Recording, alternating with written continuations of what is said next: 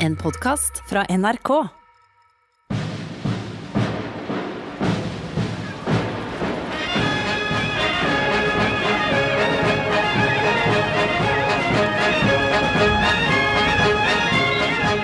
I denne fortellingen fra Sør-Sudans Rise and Fall vil du få høre navn du kanskje ikke kjenner. Som geriljalederen John Garang. Som presidenten Salva Kiir og militsleder Riek Mashar, også i rollen som visepresident. Hilde Frafjord Jonsson er med. Det er også Omar al-Bashir, presidenten i Sudan, kalt slakteren fra Khartoum.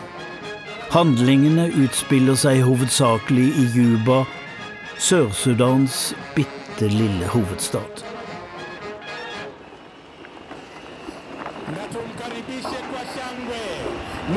Mheshimiwa generali Salva Kiir Mayardit.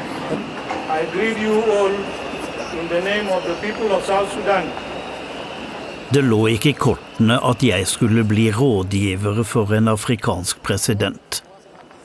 Men så sto jeg der, pent dresset og holdt fram hånda og bukket for Hans Eksellense, presidenten. Vi skulle skape en ny stat sammen. Sør-Sudan, som jeg kjente godt, skulle få flagg og riksvåpen. Det kom folk fra hele verden for å bidra til freden. Jeg var en av dem. Det var fantastiske dager.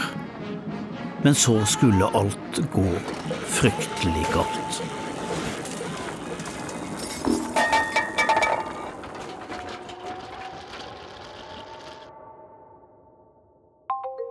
Toms afrikanske fortellinger. Jeg heter Tom Christiansen og har reist som journalist over hele verden, men særlig i Afrika. Da jeg avsluttet min andre korrespondentperiode i 2006, fikk jeg en merkelig telefon. Om jeg ville bli rådgiver for presidenten i Sør-Sudan, Salva Kiir. Jeg hadde sett mange presidentpalasser fra utsiden, men visste lite om hva som skjedde innenfor porten. Jeg kunne ikke si nei. Jeg hadde vært der flere ganger og fulgt nødhjelpen til sultne og forfulgte. Sudan var i krig, og den sørlige delen ville bli selvstyrt. Hva er det de slåss om? Salva Kiir. During the fighting, we lost millions of people. That was the price for independence. Riek Mashar. The South and the North are different. The North is Arab and Islamic. The South, Black Africa and Christian. And since 1955, we have been fighting ourselves on those bases. Nord og sør har altså hver sin hudfarge og hver sin religion. Her er ørken i nord og fruktbart i sør, og store oljeforekomster midt mellom. Det var nok å slåss om. Men bitterheten kom av noe annet. Det arrogante arabiske muslimske nord hadde plaget det svarte afrikanske kristne sør og behandlet dem som slaver.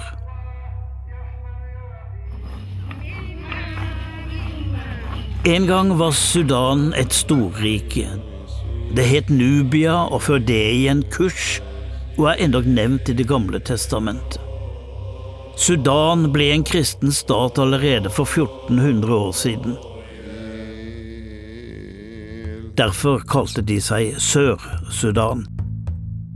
Jeg tenkte her blir det aldri fred. De hadde slåss siden 1955.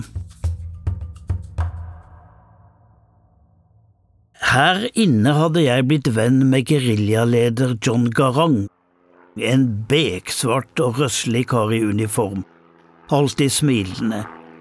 Han husket navnet mitt. Vi skulle møtes midt i bushen et sted. Jeg fløy inn i den sudanske borgerkrigen med et lite propellfly, landa på ei grassmatte for å bli hentet av samme pilot uka etter.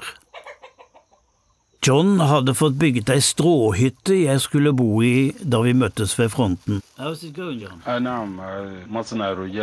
Bugul. Onkel Toms hytte, som han kalte den. Opprinnelig var John major i den sudanske hæren. I 1984 gjorde soldater nede i sør opprør. De hadde ikke fått lønn og stormet offentlige bygninger. Det kom på toppen av årelang trakassering og ydmykelse. Folk i sør, afrikanere og kristne eller fedretroende, de hadde blitt herjet av de mektige arabiske muslimske herskerne fra nord i landet. Makten var på deres hender. Garang var major i denne hæren, selv om han kom fra sør.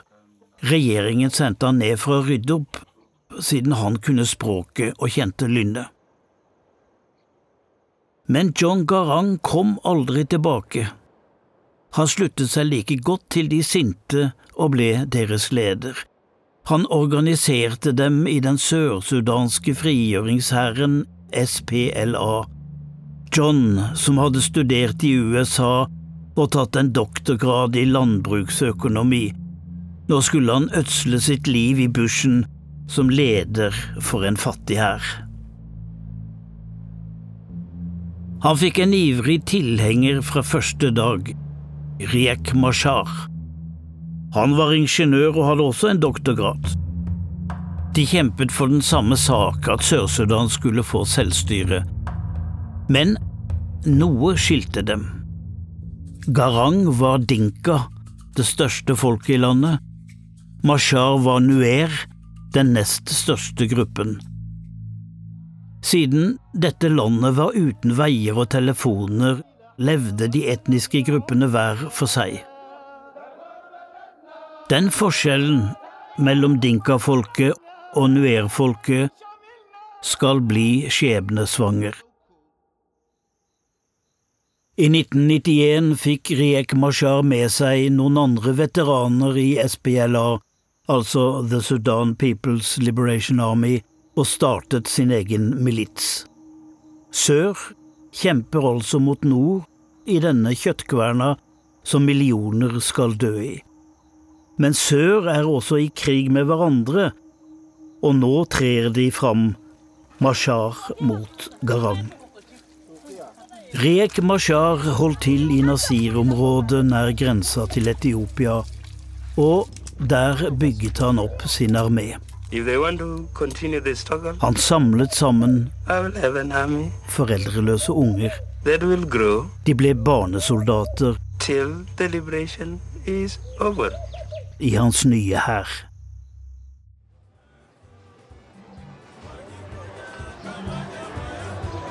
Riek Mashar drar jevnlig til Nairobi, hovedstaden i nabolandet Kenya. Han må trekke pusten, og dessuten går han i møter. All mat og alle medisiner sendes herfra.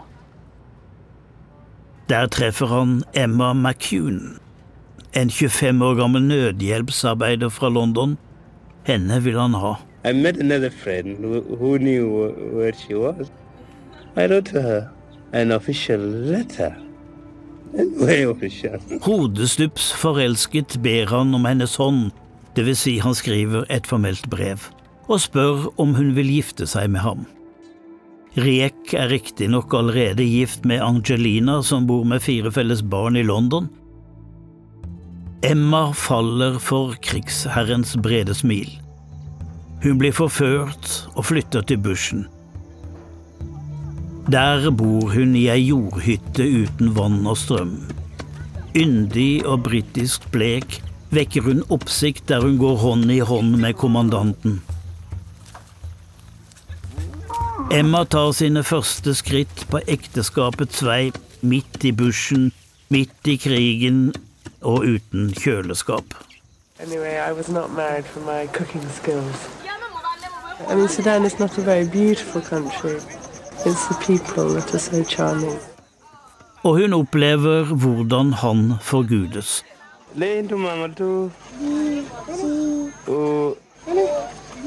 For Riek har stamtavla i orden, og dessuten har han gudetegnet. Et bredt mellomrom mellom fortennene. Det gir ham autoritet. Emmas beslutninger møtes med sjokk i de humanitære organisasjonene i Nairobi. For nå ber hun om bistand til barna i området. Etter bruddet med Garang har Mashar falt i unåde blant de internasjonale nødhjelpsorganisasjonene. Han får ikke mye sympati for sin brutalitet heller. Ingen medier spør etter ham lenger. Det er derfor vi heller ikke får vite hva som skjer der inne i det fjerne Nasir. Riek Mashar rekrutterer foreldreløse barn som soldater. De får ammunisjon, ikke skolegang, selv om den tidligere læreren Emma tigger om skolemateriell. Nå er hun krigsherrens hustru og kan ikke løpe fra krigens realiteter. Området er omringet av fiender, dvs. Si mennesker fra dinkafolket, og det er dem Mashar beslutter seg for å tilintetgjøre. If they are committed. If they want to continue the struggle, I will have an army that will grow till the liberation is over.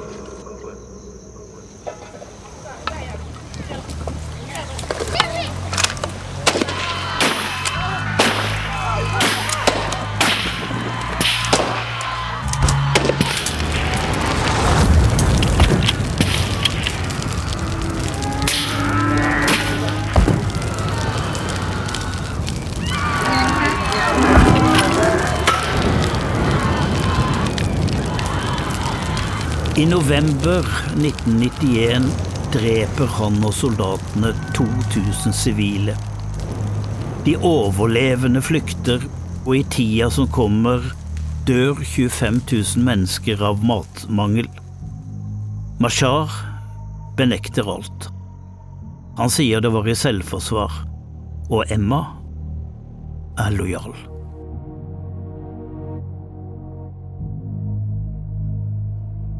Garang får vite om massakren og synker sammen i fortvilelse og raseri. Det skaper stor bitterhet. Til slutt går det mot et brudd. Garang er mer enn en krigsherre og geriljaleder. Han er faktisk en fredsmann. Jeg skjønner det når vi er på privaten. Jeg bodde i Harare, Zimbabwe på 90-tallet, og der gikk hans sønner på skole. Så vi satt om kveldene og grilla og diskuterte. Det var forvirrende å høre tankene fra en afrikansk leder som holdt en kalasjnikov i den ene hånda og en olivengren i den andre. John kjente mange nordmenn, hver dag ringte han ei dame i Oslo, ei gammel venninne, og søkte råd og hjelp. Nølende hadde han søkt kontakt med regjeringen i Khartoum, men han stolte ikke på dem. Fred i Sudan var ingen enkel øvelse. Det er når man ser at uh, alt det mange har investert, meg inkludert, i Sudan Jeg satt med den dama på en kafé i Oslo en gang, da Garang var på tråden. Hilde Frafjord Jonsson, bistandsminister og afrikaner i sin sjel. Det var hun Garang ringte til. Han hadde noen beskjeder til motparten i Khartoum om hva som var viktigst og hva som ikke var viktigst. Deretter ringte hun mobilen til visepresidenten i Sudan, Ali Osman Taha, og ga beskjed. Og motsatt. Sammen forberedte de tre fredsforhandlinger få andre trodde på. Fjerdemann på laget var USAs utenriksminister Colin Powell. Det hadde vært gjort forsøk før, men nå pakket Garang og Taha sine kofferter og dro til Simba Lodge i Naivasha i Kenya og var forberedt på å bli lenge borte. De bodde i hvert sitt stolpehus, nøyaktig like store, og de hadde sine delegasjoner, nøyaktig like mange. Det gikk et halvår. Det tar tid å avslutte en krig som har vart lenger enn noen annen i Afrika. Nede ved innsjøen sto flamingoene i tusener. På plenen kom dr. John tuslende, smilende, rolig, med fem mann i følge. Han er aldri aleine. Jeg spør hvordan det går, og han har ikke mye å fortelle. Men det går framover i forhandlingene. Så ble det mai 2004, og de nærmet seg en fredsavtale. Bare detaljer gjensto da Hilde fra Norge kom til Naivasha for å feire, men det rota seg til igjen, så hun måtte kaste seg inn som mekler. Men helt til slutt beordret Garang alle ut av lokalet. Rådgivere som forhandlere, meklere som referenter, så satt de der i et skjebnedrama. Visepresident Ali Osman Taha den vennlige mannen nest øverst i et diktatur.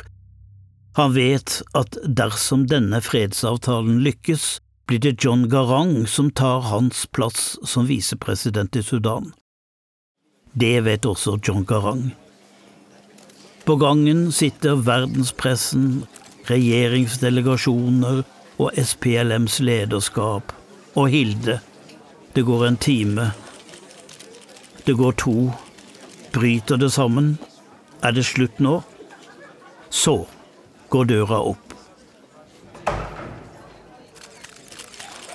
Garang og Tahar kommer ut hånd i hånd. Året etter opprettes Sør-Sudan som selvstyrt region med John Garang som president. Samtidig blir han visepresident i Sudan. Han har altså to jobber men det skal ikke vare lenge. Tre uker etter innsettelsen er han på vei hjem fra Uganda i helikopter. Været er dårlig, og de flyr rett i en fjellvegg. Frigjøringshelten og framtidshåpet John Garang dør det var storm og vind og dårlig sikt, men kunne det være en sabotasje? På opptaket fra den svarte boksen mente noen å høre en stemme som ropte Alo akbar. Så blir etterretningssjefen og nestlederen Salva Kiir utnevnt i Garangs sted.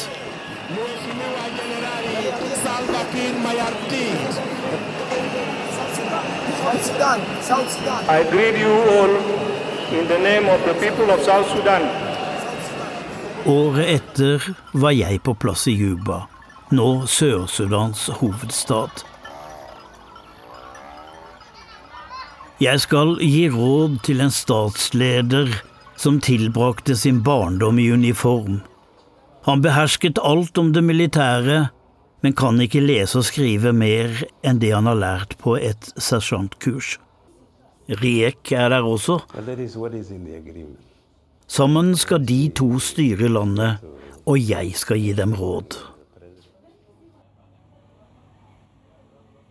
Jeg ble installert i en FN-leir og deler hus med en 63 år gammel rockemusiker og byplanlegger fra London. Han heter også Tom. Med en bagasjebegrensning på 20 kilo kom han til Juba med en Fender Stratocaster i den ene hånda og en kassegitar i den andre. Han drar riffet til Deep Purple Smoke on the Water hver dag. Byplanlegger Tom skal være rådgiver for Rek Mashar. Jeg får salva. I dusjen er det bare kaldt vann. Flott. Her er 40 varmegrader allerede.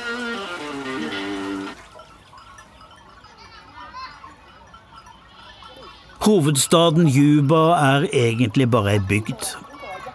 På den asfalterte hovedgata er det flere geiter enn biler. Juba har ett bakeri, og eieren er nok en kirkegjenger, for over døra henger et skilt Salvation Automatic Bakery.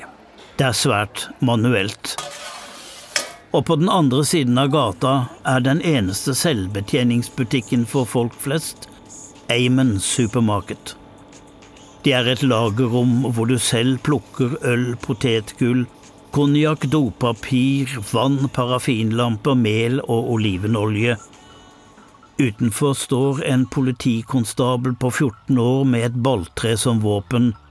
Han passer bilen for en femmer.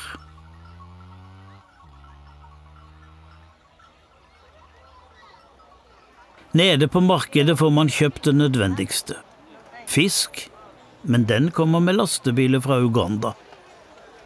Jeg lurer på hvorfor arbeidsløs ungdom som bare henger over mopedene, ikke har kasta snøre mens fisken svømmer forbi på vei mot Victoriasjøen. Her er kjøtt, grovt hugget i store biter, fluene surrer, og det er her jeg lærer at kjøtt kjøper du tidlig om morgenen mens det er fritt for virus og bakterier. Eller kjøp ei levende geit, det er mye enklere. Jeg syns det høres ganske komplisert ut. Så skal jeg på jobb og er pent kledd, jeg skal møte presidenten, bli presentert, og så sette i gang mitt arbeid. På forværelset sitter mennesker i timevis for å få audiens. Her er høvdinger som trenger et råd, ministre som har et problem, noen FN-byråkrater som har æren, og gjester. Ute i gangen står soldater i kamuflasjedress, det er sikkerhetstjenesten. Forkontoret bestyres av kontorsjefen, en kamerat av presidenten og noen afrikadronninger med svære, fargerike kjoler og voldsomme hårbånd. Jeg ledes rett inn. Det er et kjempelangt kontor med et endeløst konferansebord og gjentrukne gardiner. På pulten øverst ligger det stabler med bibler. Salva Kiir er en dypt religiøs katolikk, og gjester har gjerne med seg nasjonale hellige skrifter. Han møter meg med et fast håndtrykk og tre klapp på skulderen etter skikken. Skulle jeg gjort det samme? Oh, Mr. Tom, how are you? Jeg bukker dypt og ante ikke at vi var på fornavn. Jeg har nordmenn å hilse fra, jeg forteller om det jeg tror blir jobben, og så gjentar han So, how are you? Jeg forsikrer igjen om gleden over å være her, og er usikker på om det er min tur til å spørre hvordan han har det. Hva er folkeskikken? På den andre siden av et gårdsrom løper en annen korridor. Der er kontoret til visepresident Riek Mashar. Hvorfor er han ikke arrestert og dømt til livsvarig fengsel etter massakren? Mashar kom på andre tanker. Han satt i bushen isolert med sin lille hær og så at det nærmet seg fred. Og han var ikke med. Han ville tilbake før dr. John falt ned i et helikopter, hadde Mashar bedt om nåde og fikk komme tilbake til bevegelsen, for Garang visste at han trengte Nuer-folkets karismatiske leder med det guddommelige mellomrommet. Han trengte de stemmene når det en dag skulle holdes valg. Mashar presenterte sine folk. Jeg hadde allerede fått råd fra mine nærmeste kolleger om Rek ikke nevn Emma. Ikke med et ord. Det er tabu her. For Emma omkom i en bilulykke i Nairobi og var gravid med deres felles barn. Don't mention Emma. Jeg får kontor i ei brakke og skal bygge opp presidentens informasjonsapparat. Er jeg blitt spinndoktor i Afrika? Etter hvert som jeg blir kjent, aner det meg at presidentens kontor usynlig er delt i to. Riek Mashar har bygget opp sin egen administrasjon. Egen informasjonsavdeling, egen finansforvalter, og de er alle fra Nuer-folket. Riek Mashar uttaler seg stadig til BBC uten å konferere med verken meg eller presidenten. Today, An exclusive interview with Riek Machar. We have gone through difficult periods before this. We are now going through it. We'll get peace. Han kjører sitt eget løp og bygger opp seg selv som stemmen The Big Man fra Sør-Sudan. Jeg skriver daglige bulletenger om hva som skjer i landet og regionen. Det er bare for Salva og ministrene.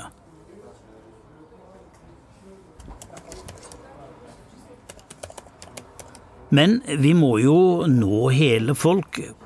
Hvordan gjør man det i et land uten aviser og postkontor, radio og TV? Jeg spør damene på markedet. Hvordan får de vite nytt hjemmefra? Og jo, det er på kirkebakken. Hver søndag samles de, og det er alltid noen som har vært på besøk hjemme. Jeg vil lage et presidentens brev til folket, som skal leses opp i alle kirker en søndag i måneden. Jeg kladder. Salva retter. Og så sendes det til Kirkerådet, som e-poster det videre til alle kirkesamfunn og bispedømmer, og til slutt blir det printet og delt ut. Salva har lagt inn saftige gudsord siden det skal leses opp i kirken. Vi holder unna politiske kontroverser. Han går alltid til gudstjeneste, så det blir presidenten selv som leser brevet i den katolske kirken. Kjære landsmenn, begynner han, borgere av Sør-Sudan.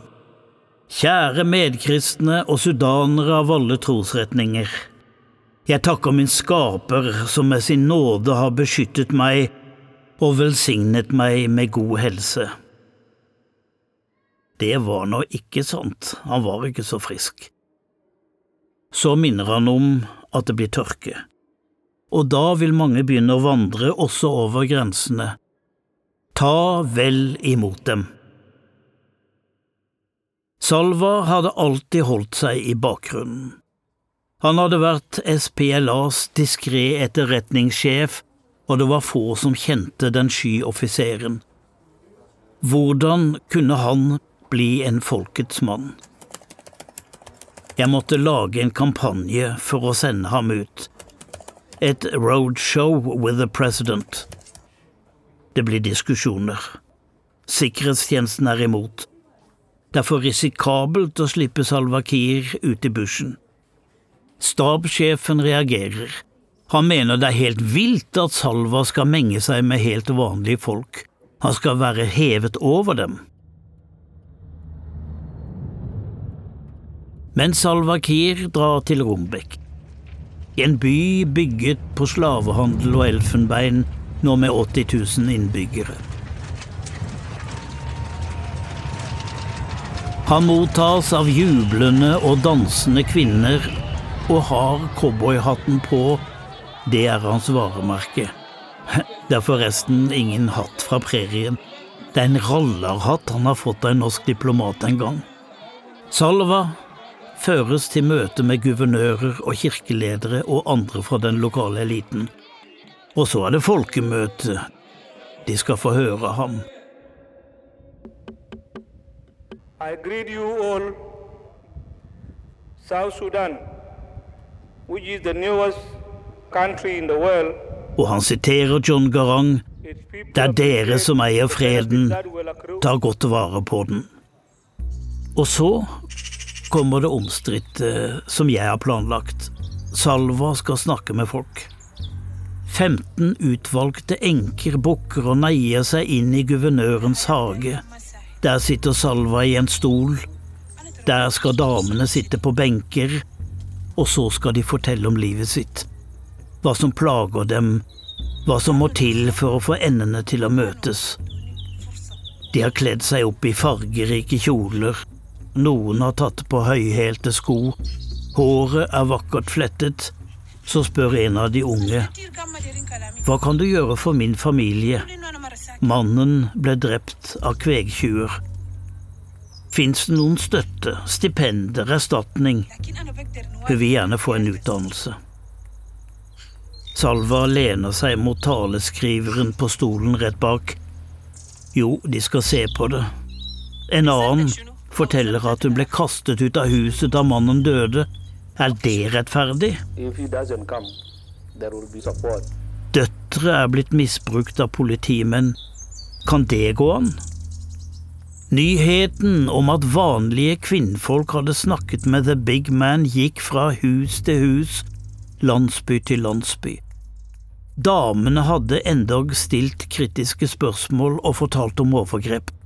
Akkurat det stabssjefen hadde fryktet. Men Salva var opprømt. Han ville treffe flere. Kanskje jeg kan treffe folk over radioen? Ingen dårlig idé, Your Excellency men han skulle ikke få møte folk ansikt til ansikt. Det ble for vulgært og farlig for staben. I stedet dro vi til skolegårder og markedsplasser og spurte folk om du traff presidenten, hva ville du spurt han om da? Det ble til mediesuksessen Ask the President. I feel like if I would have a big microphone that I can be able to address all the people of South Sudan and tell them while you are busy stand along ethnic lines, don't you see the world is progressing? You would be the only people who are left behind. Og ble sendt igjen og igjen. Det var barn som hadde mistet foreldre og lurte på framtida. Her var tanker om tørken. Kvinnene på markedet ville vite om veiene skulle fikses, og politiet kunne de bare fare fram og slå ned folk? Så skal han svare, og jeg ser hvordan han begeistres over å møte folks tanker og motforestillinger. Men han må også møte tankene til diktatoren i nord, Sudans hersker Omar al-Bashir.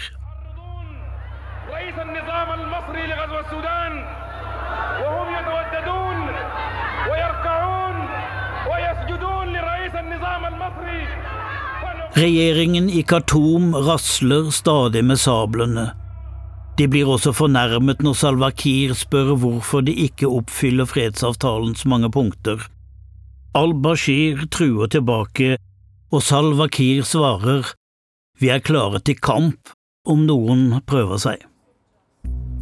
Så jeg spør en dag, er det nødvendig med dette krigshissende språket? Det er bare meg som kan spørre sånn rett fra levra.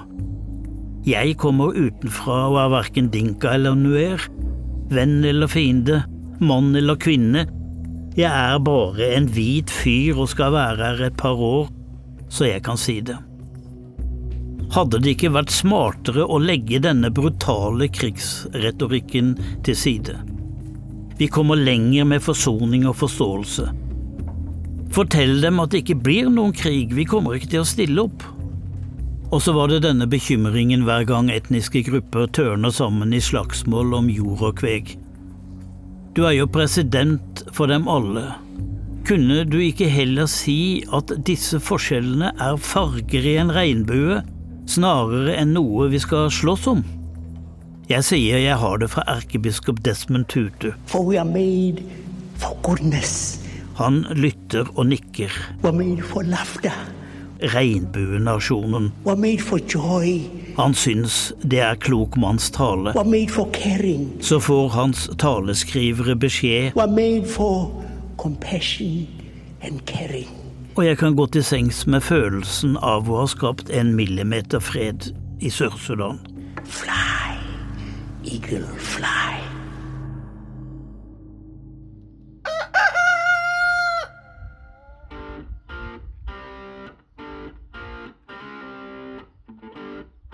Mange herfra hadde reist nordover mot Khartoum for å unnslippe krigen. Ja, de hadde faktisk rømt over til fienden. Noen blir der i generasjoner.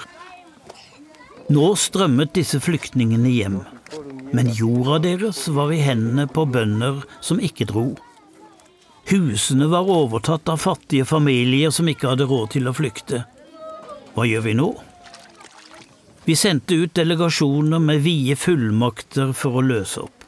En FN-representant hadde penger, høvdingene hadde lokalkunnskapen, og en embetsmann fra Juba kunne bestemme hvem som skulle bo hvor og leve av hva.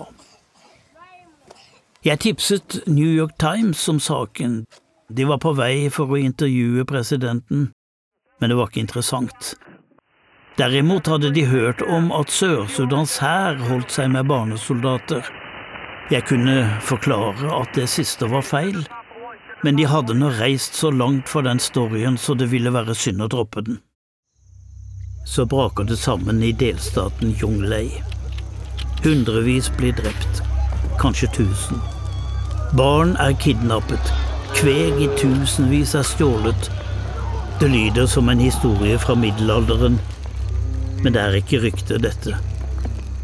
Det lille murlefolket er i konflikt med dinkaene og nuerene Murlene kom seint til Sudan, så det er liten plass til dem. Derfor vandrer de rundt og lar kyrne beite på annenmannsgrunn. Men nå, som grenser settes, sperres de inne. Og kvegtjuverier har de alltid holdt på med. Det er umulig å betale brudepris med kontanter. Man betaler med kyr. Og lettest er det å stjele kveg for å skaffe seg ei dame. Og verre enn det, i trange tider har de byttet ungene sine med kveg. Det er Rek Mashar som må dra til Junglei for å mekle. Dette har han gjort før. Det er brede smil og dype bukk. Et partytelt er satt opp, og de klasker hverandres skuldre. Rek bruker lang tid til å lytte til folk. Han hører hva kvinnene har å si. Høvdingene får snakke lenge. Med seg har han politi og sikkerhetsvakter, byråkrater og skrivere. Overalt ligger det lik og råtner etter massakren. Uh, Men han er ikke opptatt av å fordele skyld. Ingen blir straffet. Men alle må oppføre seg. Og så skal enker og faderløse få noen dollar. Men det løser ikke alt Ingeniør og visepresident Riek Mashar legger en plan for boring av brønner, så trenger de ikke lenger slåss om vannet. Slik er Riek Mashar en viktig mann for Salva, men han stoler likevel ikke på sin visepresident. Han gjør sin jobb, men hvem ellers snakker han med? Hvilke planer legger han? Hver torsdag trekker Salva i uniform. Dagen tilbringes i det militære hovedkvarteret.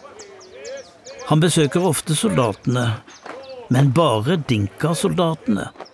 Vernepliktige fra nuer-folket ser heller fram til at Riek besøker dem. Og etter hvert kjenner jeg en nagende uro over at vi har to militære styrker. En som lytter til Salva, en annen mindre som hører på Riek. Han vet at dersom det skjærer seg med regjeringen i nord, i Khartoum, så blir det krig. Der sitter Omar al-Bashir, som er etterlyst av den internasjonale straffedomstolen i Haag, siktet for folkemord og forbrytelser mot menneskeheten. Han er lett på avtrekkeren, og stikkordet er Abyei, et distrikt i Sør-Kordofan. Tilhører Abyei Sudan eller Sør-Sudan? Folkene rundt meg er ikke i tvil. Abyei er Sør-Sudan. De er svarte og kristne. De har ikke arabisk som språk. De kjenner ikke Allah. Slektene går sørover, de døde og begravde tilhører sør. Det er helt utenkelig for folk i Abyei at de heretter skal styres av araberne. Skal de få arabiske skriftstegn på gateskiltene? Skal de få sharialover å miste hendene for? Det går dypt, ja, enda dypere. For langt under overflaten i Abyei ligger enorme oljereserver som kan berge økonomien. Tilhører olja sør eller nord?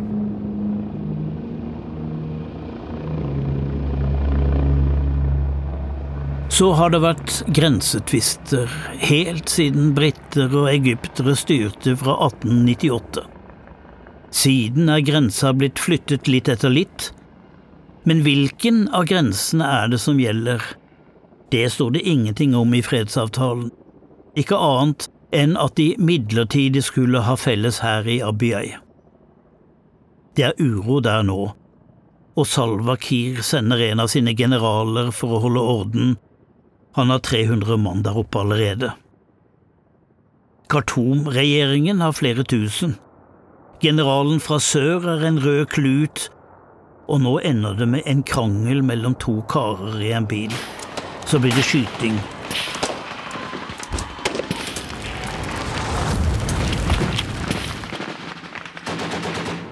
Og i løpet av dager er byen skutt tom for folk, og alt er plyndra. Salva er mørk til sinns og trenger å snakke med en utenforstående, så det er godt jeg er her, ytterst på den nærmeste stolen fra hans skrivepult. Jeg er vel den siste som vil ha krig, sier han fortrolig. Jeg vet hva det er, for jeg har vært der.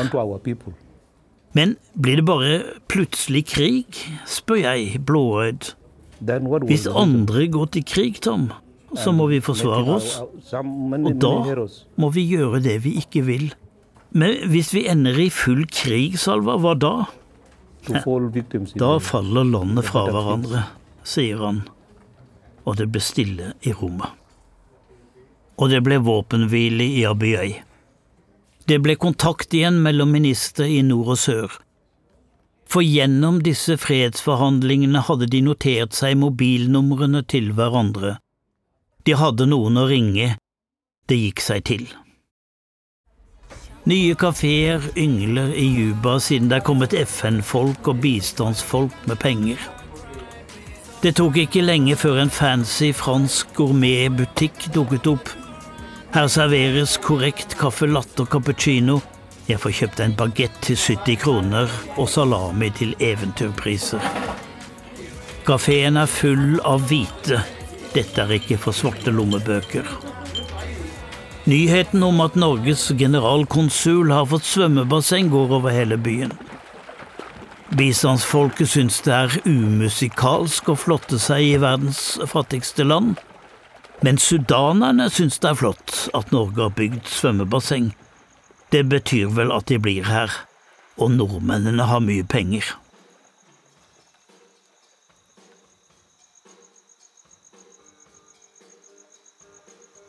Nede langs Nilen vokser det opp hoteller av jordhytter. Her kan du bo for 200 dollar døgnet. Kafeer med strømaggregat, lyskaster og kjøleskap trekker til seg et publikum som er nydusjet etter dagens hete og tørste på en øl.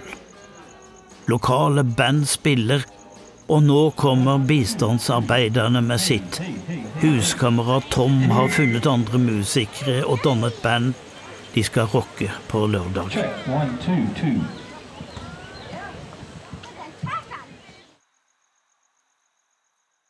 Jeg har undret meg over et stort, hvitt telt som står langs hovedgata i Juba. Det er levert av OB Vik i Bergen, står det på teltduken. Men hva er inni? Jeg ser aldri folk her, så jeg åpner duken og finner et helt lager med pappesker. Skal alle disse papirene destrueres, eller skal de oppbevares? Vær og vind har gjort sitt, ser jeg, og kikker litt nærmere. Da ser jeg at noen av dokumentene har svære stempler. Britiske Foreign Affairs, står det, og så papirer med kongehusets brevhode. Hva er dette? Det er Statsarkivet. Her ligger korrespondansen mellom kolonimakten og Sudan, mellom London og Khartoum, brever fra presidenter i Uganda og Kenya, muslimske martyrer og diktatorer, her ligger hele Sør-Sudans fortid henslengt på et jorde. Så ung er denne nasjonen at ingen har forstått å ta vare på historien. Jeg må varsle noen, men jeg vet ikke hvem. Kan noen berge nasjonalarven? Norge kan nå skaffe noen penger til bedre stell. Nå er dokumentene tatt vare på, men ingen i denne nye staten skjønte at dette var verdifullt. Det var ikke min oppgave å rote i nasjonens blafrende papirer, men det var dessverre ingen andre som bekymret seg, de bare trakk på skuldrene. Plutselig går det opp for meg, jeg er den eneste demokraten ved presidentens kontor. Det er bare meg her, som har vokst opp i et demokrati og har reglene i ryggmargen. De andre har bare bruksanvisningen. To ministre blir over en øl nede ved Nilen enige om at det trengs en klinikk i landsbyen de kommer fra. Når fredagen kommer og vi samles i regjeringsmøte, legger de fram planen, og den blir vedtatt. Ikke et dokument, bare noen linjer i et referat. Og så er det å finne penger. Hvilket bistandsland kan betale dette? Jeg er vant med hjemmefra at når vedtaket er gjort, er debatten over. Men her begynner maktkampen først når avslaget ligger på bordet.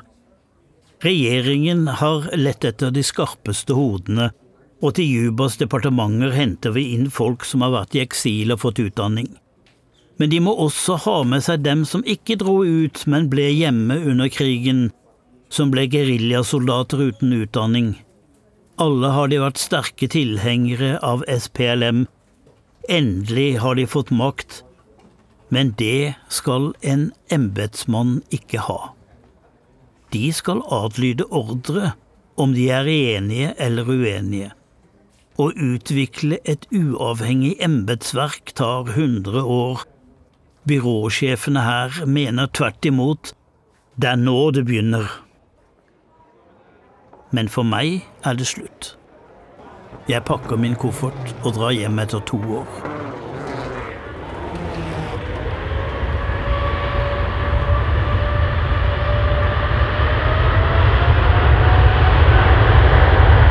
Og freden holder i Abyei. I 2009 ble Sør-Sudan egen stat, men så skal alt gå fra jubel i gatene til katastrofe. Den unge nasjonen klarer ikke påkjenningene. Etter hvert begynte det å vakle for Salva. Jeg var på avstand nå som journalist og fikk bare nyhetene fra sudanske medier og gamle venner. The big man var ikke frisk. Han hadde diabetes og blodsukkeret var ute av kontroll. Han begynte å drikke tett. Han gikk ikke på kontoret. Venner som kom på besøk, fikk servert øl og vin og brennevin om hverandre. En av dem var FNs spesialutsending til Sør-Sudan, Hilde Frafjord Jonsson. Hun så hvordan humøret skiftet. Han var ikke lenger den vennlige mannen den bestemte lederen.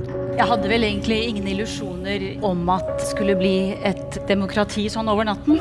Etter hvert diskuterte han bare med en liten klikk.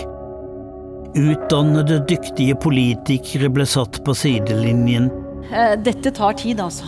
Han innkalte ikke lenger partiets organer, verken politbyrået eller frigjøringsrådet. Vi må innse at det tar tid, og jeg tror vi må ha tålmodighet.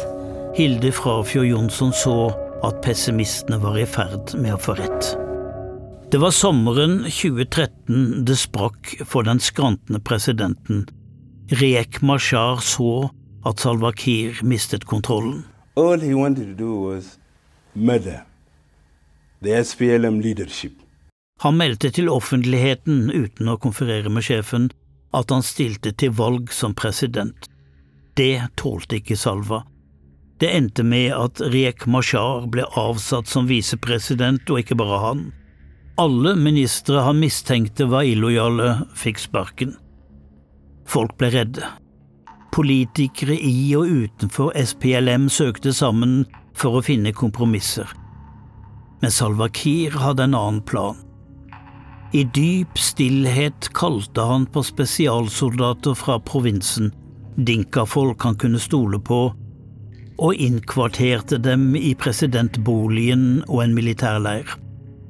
De trente for hva som skulle komme, og de samlet inn opplysninger om hvor nuer-folk bodde i Juba, Riek Mashars folk.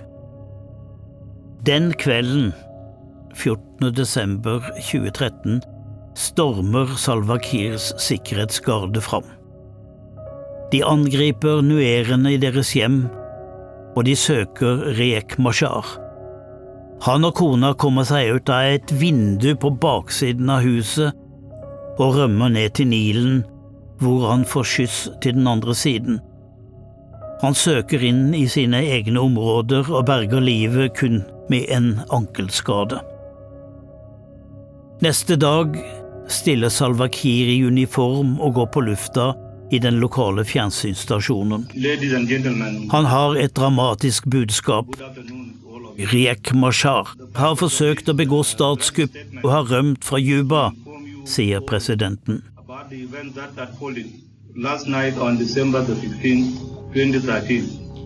Salva Kirs soldater jaktet nuerer nå. De forsøkte å rømme fra Salva Kirs spesialtrente sikkerhetsstyrker. De stormet mot leiren til FNs fredsstyrke og rev i porten de ville inn. Og Hilde Frafjord åpnet. 30 000 nuerer slapp inn og ble der i mangel av alternativer.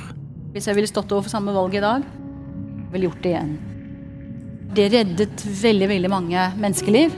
Bremse opp voldsspiralen, som kunne ha kommet helt ut av kontroll. Presidenten raste. It is the individuals within the system of the UN who are actually creating problems. Det er en beslutning som jo selvfølgelig satte meg i trøbbel med myndighetene, fordi vi ble da beskyldt for å beskytte masse opprørsrebeller. They allowed the rebels, gave them their vehicles. And then they came and mounted these vehicles with the machine guns to fight our forces with. Not whole United Nations, it is this group that are here with us in South Sudan. Og dette ble slutten på vennskapet mellom Salva og Hilde. Han kalte henne en folkefiende. Han sendte ut demonstranter i gatene med plakater av Hilde væpnet med en pistol og teksten Hilda dreper våre barn. Nå delte hæren seg. Soldater av nuerfolket deserterte og flykta med Rek Mashar. Han fikk penger fra Khartoum til å lønne soldatene og skaffe ammunisjon. Selv rømte han til Sør-Afrika med sin brukne ankel. Der ble han satt i husarrest, et gyllent bur i Pretoria. Jeg var i Sør-Afrika på den tiden og forsøkte å nå ham. Jo, han ville gjerne intervjues, men du må sjekke med visepresidenten i Sør-Afrika, Cyril Ramaphosa. Det gikk ikke så bra, Sør-Afrika stengte telefonen og internettforbindelsen hans, de ville ikke ha en aktiv Sudan-politiker i eksil. Men så ble Rek Mashar invitert hjem igjen for å søke en ny fredsplan. Dødstallene i Sør-Sudan var ikke til å tro. 20 000 sivile nuerer hadde mistet livet skutt av politi og soldater. Det er vel et folkemord? Etnisk rensing? Det ble en avtale, og i 2016 var de klare til å feire femårsjubileet for den unge, blodige staten. Rek Mashar kom til Juba med sikkerhetsvakter og ble tatt imot i presidentens residens. Ingen kan riktignok forklare hva som så skjedde nede på parkeringsplassen. Men sikkerhetsvaktene til de to ryker i tottene på hverandre, og blodet flyter. Så ille var det at Salvakir måtte berge livet til Riek Mashar. Han ble brakt i sikkerhet innendørs. Men omtanken gikk fort over.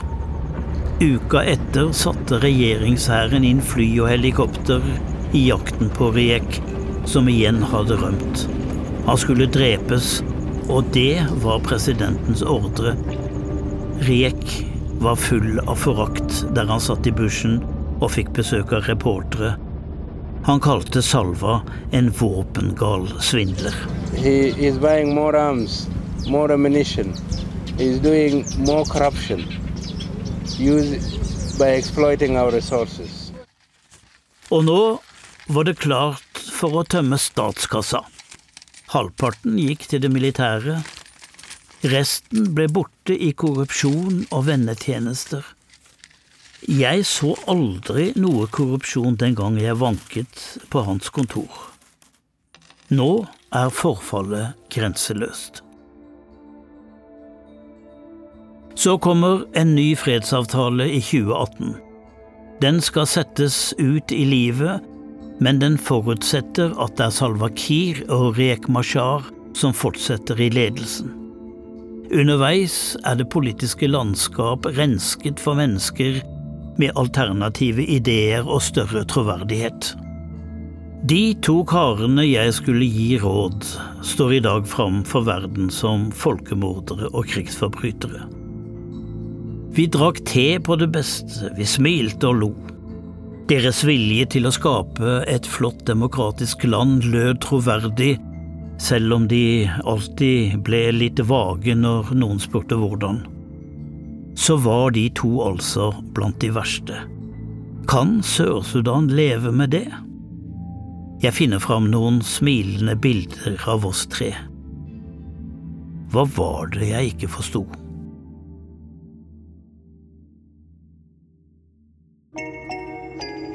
Toms afrikanske fortellinger. Du kan høre flere episoder av Toms afrikanske fortellinger i appen NRK Radio. Denne podkasten er laget av Tom Christiansen. Klipp og lyddesign var ved Øystein Vesaas, og Marius Christiansen har laget musikken. Produsert av Svarttrost Produksjoner. Redaktør i NRK er Gitte Kalmeier. Du har hørt en podkast fra NRK. Hør flere podkaster og din NRK-kanal i appen NRK Radio.